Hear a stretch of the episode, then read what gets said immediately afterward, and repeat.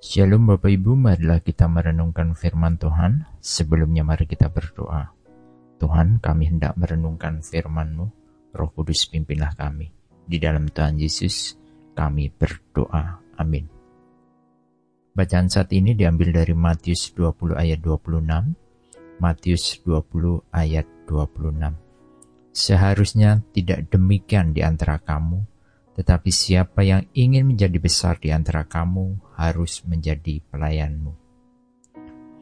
Konsep dunia dalam memandang seseorang itu besar, berwibawa, disegani, adalah ketika orang itu bisa memerintah dan menjalankan kuasa atas orang lain. Namun, ternyata seperti yang dikatakan Tuhan Yesus, hal ini tidak berlaku bagi kerajaan Allah. Justru yang berlaku adalah setiap kita yang memberi diri untuk menjadi pelayan dari sesama kita dan untuk menolong orang lain.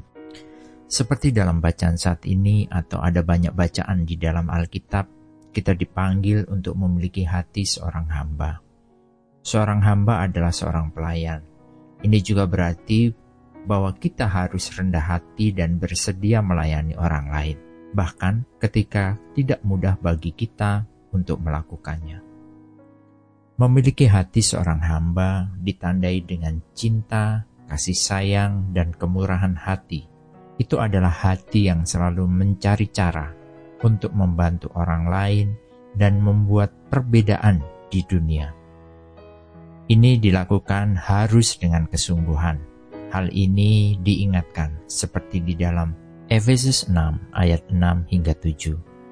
Jangan hanya di hadapan mereka saja untuk menyenangkan hati orang, tetapi sebagai hamba-hamba Kristus yang dengan segenap hati melakukan kehendak Allah dan yang dengan rela menjalankan pelayanannya seperti orang-orang yang melayani Tuhan dan bukan manusia.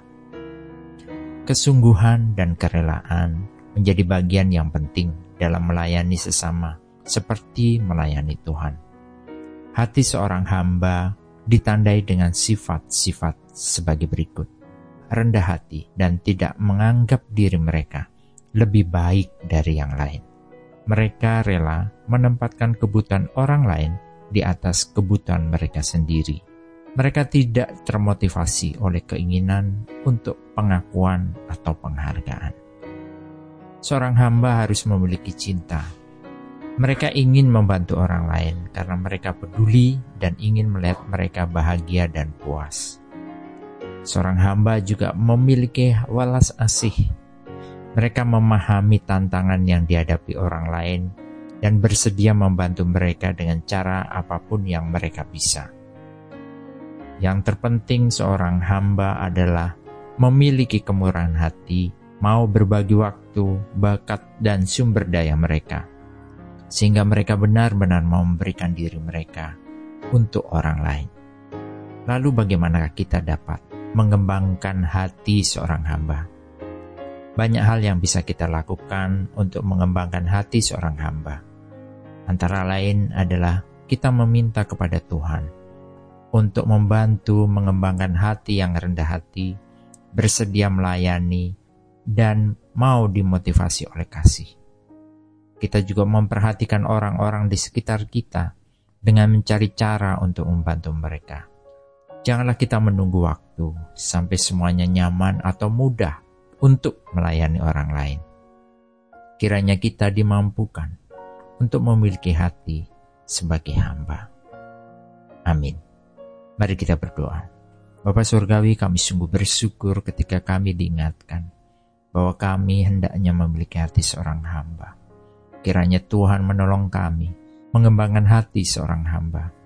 Kami ingin menjadi pribadi yang rendah hati, bersedia melayani, yang senantiasa dimotivasi oleh kasih. Tolong kami untuk memperhatikan orang lain dan bersedia melayani, bahkan ketika hal itu sulit. Jadikanlah kami pribadi yang memiliki perbedaan di dunia dengan melayani orang lain. Di dalam nama Tuhan Yesus, kami senantiasa berdoa. Amin. Tuhan Yesus memberkati. Shalom.